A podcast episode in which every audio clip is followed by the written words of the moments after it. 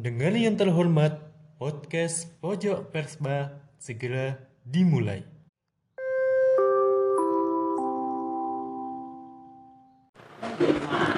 Yuk kembali lagi di podcast Pojok Persma. Eh, sekarang kita lagi di salah satu tempat angkringan dan mohon maaf jika suara masih belum mendukung, kondisi belum mendukung karena di sini tidak terlalu hening. Oke, kali ini saya nggak sendirian, saya bersama Mas Rangga. Eh, boleh dikenalkan Mas Rangga? Oke, halo kawan-kawan semua. Iya. Namaku Rangga.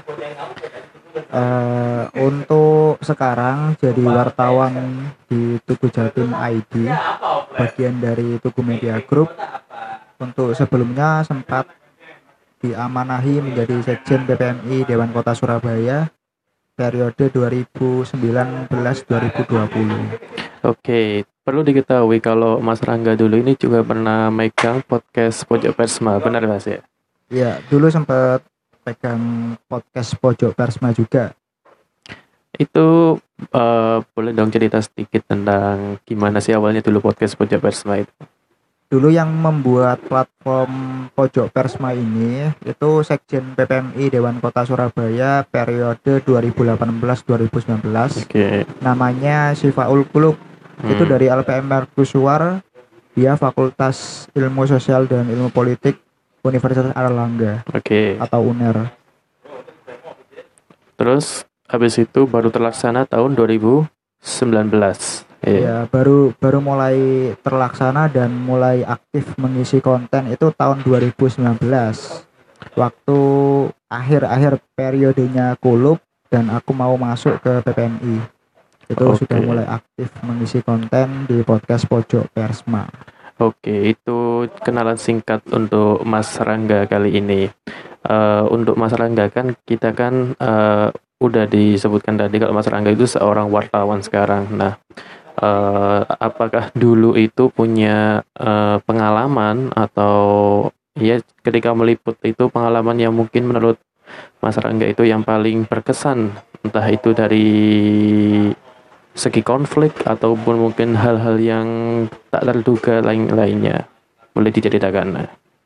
Ini untuk liputan waktu di pers mahasiswa atau liputan waktu di wartawan. Hmm, mungkin kita mulai di pers mahasiswa dulu.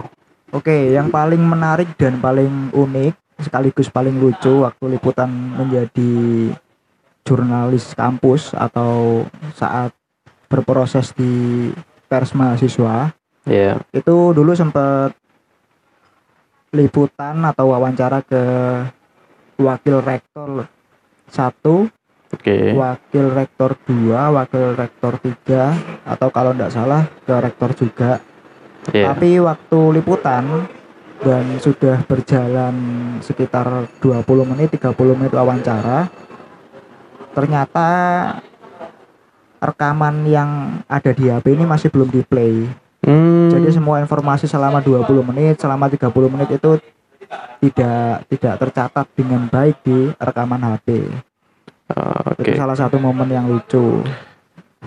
Jadi ada beberapa ada beberapa kompetensi yang masih belum matang waktu eh, menjadi jurnalis kampus di pers mahasiswa. oke Kalau kita liputan atau penggalian data di lapangan itu perlu beberapa lapis peralatan biar informasi yang kita peroleh nggak nggak lepas begitu saja waktu salah satu peralatan kita nggak nggak jalan. Jadi mu- mungkin selain direkam kita juga perlu mencatat. oke Terus selain itu kita juga perlu eh, memotret atau melakukan dokumentasi secara eh, gambar itu juga perlu. Selain itu juga kita simak baik-baik kira-kira yang disampaikan apa. Kita juga perlu memahami biar misalkan nanti catatan yang kita tulis nggak seberapa jelas dan rekaman yang kita peroleh nggak seberapa jernih atau banyak noise-nya, kita masih ingat yang dibahas oleh narasumber seperti apa dan isi isi utamanya bagaimana. Jadi seperti itu. Eh, untuk yang tadi ya pas waktu wawancara dengan pihak eh, rektorat. Itu tanggapan mereka gimana, Mas? Tahu apakah mereka tahu atau bagaimana? Kalau yang wawancara hari kalau yang wawancara dengan rektorat itu itu mereka ndak ndak tahu kalau saya semacam lupa menyalakan rekaman ha- ha- Oke. rekaman di handphone. Oke. Jadi ya mereka tetap menjelaskan seperti biasa. Terus hal yang dilakukan untuk menanggulangi kesalahan itu apa? Apakah medianya, apakah beritanya itu eh, dibiarkan begitu saja atau mungkin ada tindakan lain?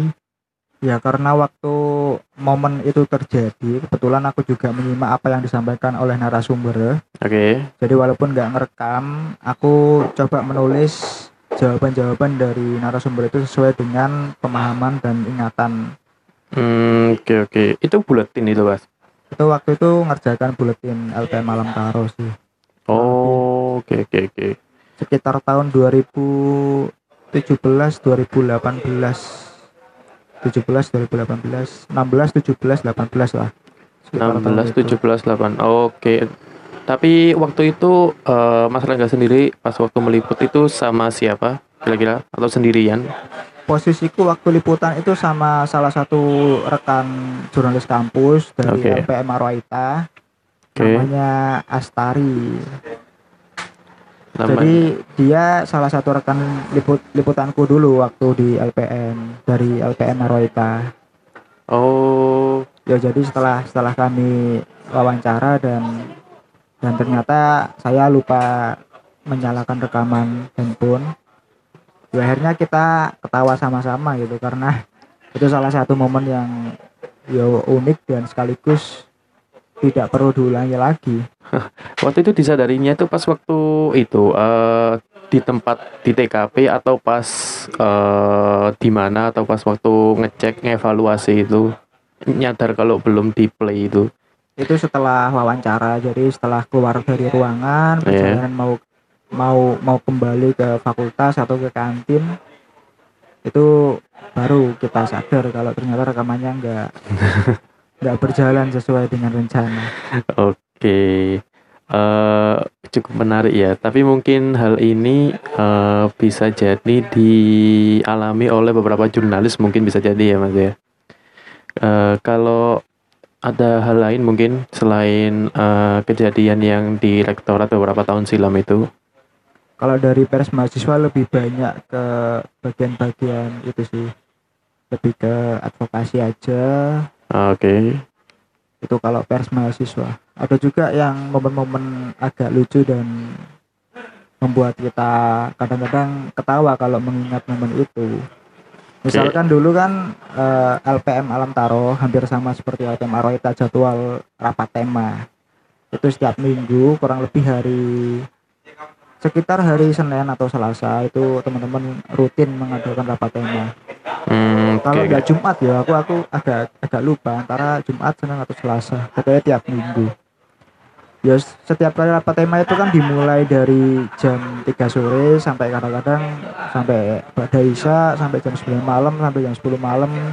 Karena saking lamanya kita mengobrol soal tema liputan untuk hari Senin atau untuk hari besoknya jadi waktu Hmm. liputan itu waktu ngobrol soal tema-tema liputan itu kami kan juga kadang eh, kalau misalkan ada uang ya beli gorengan.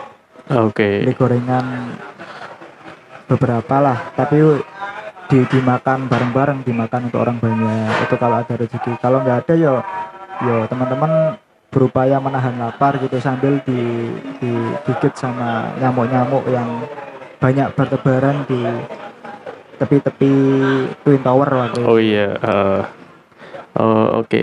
Tapi kalau permisi ya, kalau akomodasi dari pihak jurnalis, kalau misalkan sedang melakukan peliputan itu eh, kayak dana akomodasinya itu pakai uang pribadi atau ada sokongan dari pihak lain mungkin atau dari fakultas atau dari mana gitu.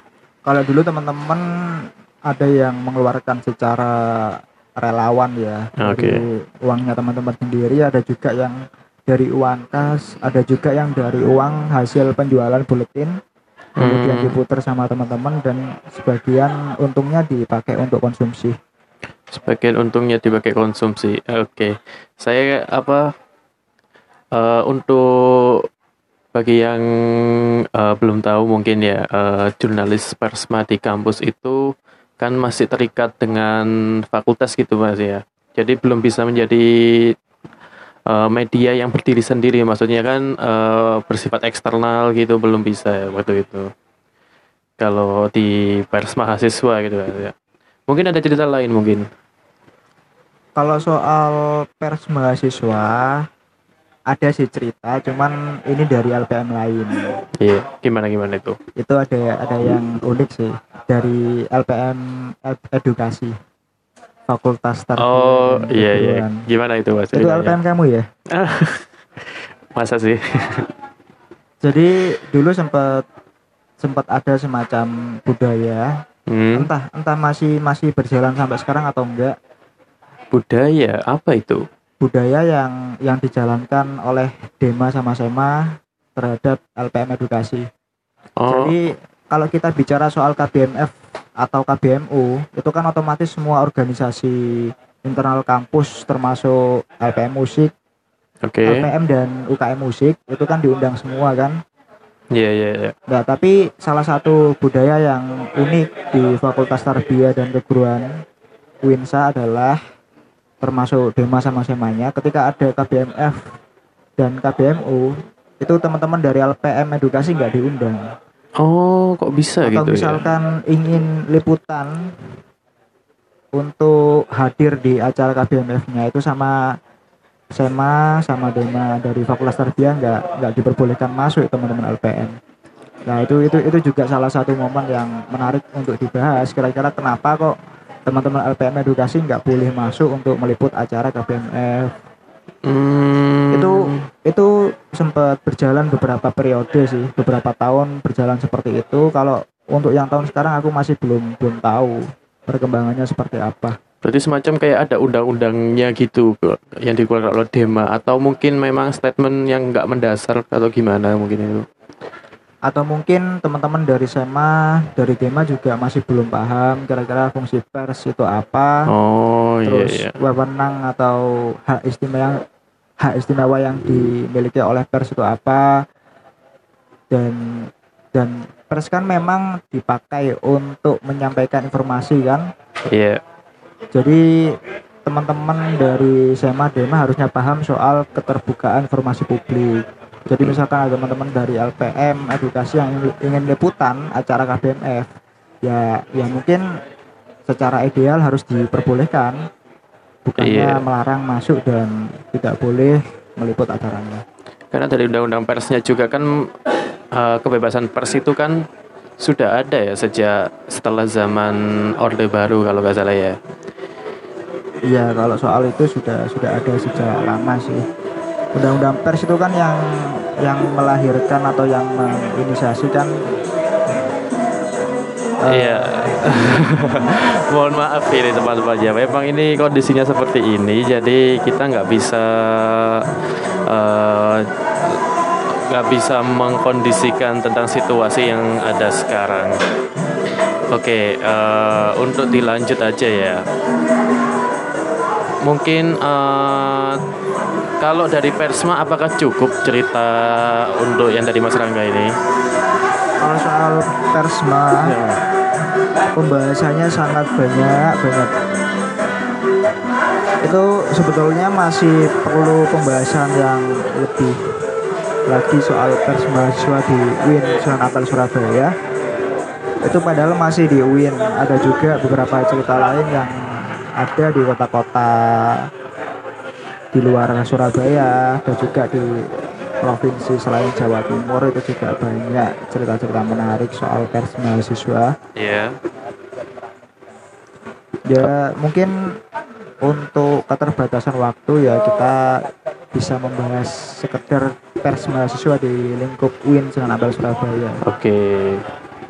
Oh ya, ini belum saya jabarkan tadi bahwa Mas Rangga itu alumni dari LPM Alam Taro yang berbasis di Fakultas eh, Psikologi eh, UIN Sunan Ampel Surabaya. Benar Mas ya? Ya dulu di LPM Alantaro Fakultas Psikologi dan Kesehatan UIN Sunan Ampel Surabaya Ya. sama itu. Tapi ini ini ini itu sih ini salah satu status yang agak bertentangan dengan ideologinya teman-teman pers mahasiswa. Oke, apa itu? Jadi dulu juga sempat jadi kontributor Humas Winsa Hmm. sejak tahun 2015 sampai 2020. Tapi kalau kalau kalau saya ngobrol soal humas kampus di lingkup LPM atau PPMI kurang cocok karena teman-teman dari pers mahasiswa sendiri itu sangat anti sekali dengan humas kampus. Oh. Kami bukan humas kampus. Dan itu adalah eh, perkataan yang tegas dan bagus sih. Oke oke oke, cukup menarik ya. Banyak hal yang mungkin eh, saya kurang tahu sebelumnya dan sekarang udah cukup jelas setelah diceritakan oleh Mas Rangga. Oke, coba kita melangkah ke setelah kita membahas tentang pers yang ada di pers mahasiswa. eh, sekarang kita melangkah pengalaman Mas Rangga ketika liputan di tingkat jurnalis eh, daerah ya. Iya, kalau di wartawan atau media Iya, wartawan. itu eh, banyak sekali perbedaan yang yang aku aku amati ya. Yang tak amati itu banyak sekali perbedaan.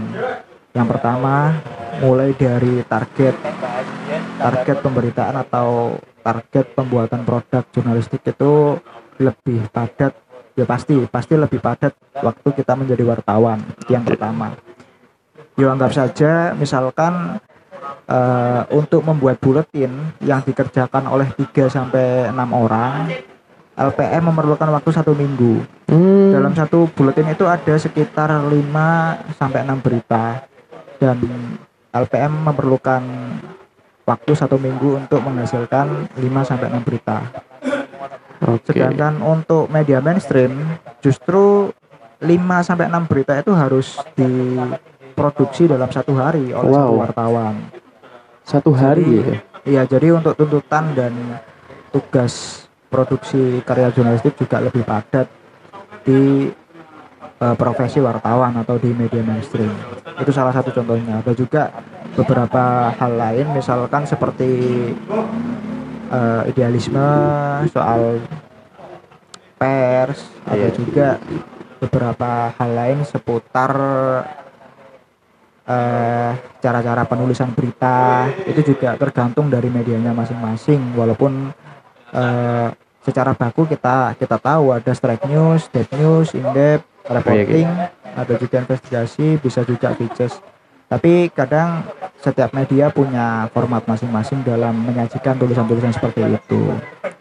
Terus selain itu soal eh, itu ya sa- salary Seri, juga ah, ya. wartawan yang digaji per berita, Hmm, ada juga wartawan yang digaji pokok, Oke. ada juga wartawan yang eh, freelance. Oke oke oke. Jadi macam-macam kalau soal itu. Ada juga gajiannya yang per kata. Jadi misalkan satu berita ada 500 kata. Jadi per kata itu dihargai berapa rupiah. Nanti tinggal mengalikan. oh. Ada juga yang seperti itu. Ada juga yang diminta untuk mencari iklan, untuk mencari sponsor. Nanti hasil dari pendapatan sponsor dan iklan itu dibagi antara wartawan dan media. Ada juga seperti itu. Jadi macam-macam soal pembagian salary. Oh, soal gaji. oke. Kalau misalkan untuk wartawan yang tingkat dasar atau mungkin yang pemula gitu, biasanya kalau dalam segi salary-nya itu masuk yang mana mas? Atau tergantung gitu? Itu tergantung media sih. Tergantung media. Iya. ya. Biasanya yang dilihat itu apa ya? Maksudnya faktor yang menentukan salary seorang wartawan? Itu kembali lagi eh, mengenai plot media, visi misi media itu seperti apa. Kalau misalkan medianya benar-benar bergerak di eh, jurnalistik dan fokus juga untuk mencari iklan, otomatis wartawannya juga bakal ditugaskan untuk eh, mendapatkan closing lah dari beberapa lembaga atau dari beberapa narasumber untuk masuk ke dalam anggaran iklan atau sponsor. Hmm, Ada juga seperti itu. Ada juga misalkan media itu sudah punya bagian sendiri dalam menjalankan marketing. Ya wartawan itu tinggal mencari berita sesuai target yang sudah ditentukan. Itu itu Oke. tergantung dari medianya. terhadap medianya. apa, ya, oke. Wow, wawasan baru ya untuk Jadi Ya, macam-macam. Iya iya. Untuk tadi tentang salary eh, udah dibahas tuntas dengan Mas Rangga. Kalau sekarang eh, mungkin berapa lama ya kalau boleh tahu eh, udah berada di wartawan itu Mas Rangga? Kalau aku masih satu semester, itu hitungannya masih Hmm. baru banget. Masih baru. Tapi kalau ditambah dengan pengalaman di pers mahasiswa, hitungannya lama. Tapi kalau di wartawan masih baru, aku masih junior iki satu semester atau enam bulan. Teman-teman yang lain sudah satu tahun ke atas, ada juga yang 10 tahun, Oke oke. ada juga yang 15 tahun. Wow. Jadi aku 15 sempat tahun. ketemu sama salah satu wartawan yo waktu liputan di lapangan. Pak, sudah jadi wartawan berapa lama Pak? Bapaknya bilang gini, masih baru 15 tahun mas. Masih baru 15 tahun. Iya. Masih. Ya, itu baru. salah satu bentuk kerendahan hati. Iya iya. Gila ya 15 15 tahun loh. Jadi wartawan. Eh, Oke, dalam waktu satu semester itu apakah ya sama pertanyaan saya tadi, apakah ada pengalaman meliput yang menurut Mas Rangga itu unik gitu? Aku pernah dimarahi sama narasumber itu pernah. Oh, kenapa waktu itu? wawancara soal persebaya Oh, itu juga sempet wah menarik ini. Itu gimana? Bisa diceritakan? ya itu soal penugasan Ya. kan itu masih baru kan jadi wartawan aku Iya. dapat penugasan untuk liputan soal persebaya dan pembangunan Gelora Bung Karno Bung eh Tomo. Bung Karno Bung, Bung Tomo Bung Tomo. Gelora Bung Tomo sama pembangunan Gelora 10 November Tambak Sari Re- Renovasi waktu itu. renovasi Renovasi. ya. Itu gimana ceritanya itu? Seka- sekalian bahas soal penundaan Piala Dunia U, U, U21 atau U22 ya U21 ya? Penambahan dalam jumlah eh iya, penundaan penundaan penundaan, Piala penundaan. Dunia. Oh. Iya iya iya iya benar-benar. itu kan harusnya kan isunya sudah sudah sudah naik beberapa minggu yang lalu kan cuman Oke. karena waktu itu aku menjalankan penugasan dan mendapatkan tema yang sama jadi aku tanya tanya isu yang terdahulu ke narasumber eh, salah satu narasumber yang dari persebaya ya kan karena narasumbernya kan sudah tahu kalau itu pertanyaan yang diajukan beberapa minggu yang lalu akhirnya aku dimarahi sama beliau Kalau boleh pertanyaan tentang apa itu? Ya pertanyaan soal tadi, soal tema-tema renovasi GBT, Oh, renovasi Stadion Tambak Sari sama penundaan Piala Dunia itu. Oh, Ya, oh, soal U- itulah Piala pokoknya. Dunia U20 itu ya. Iya, harusnya kan dijadwalkan tahun ini. Iya, tapi dibatalkan. Waktu itu tanggapannya gimana?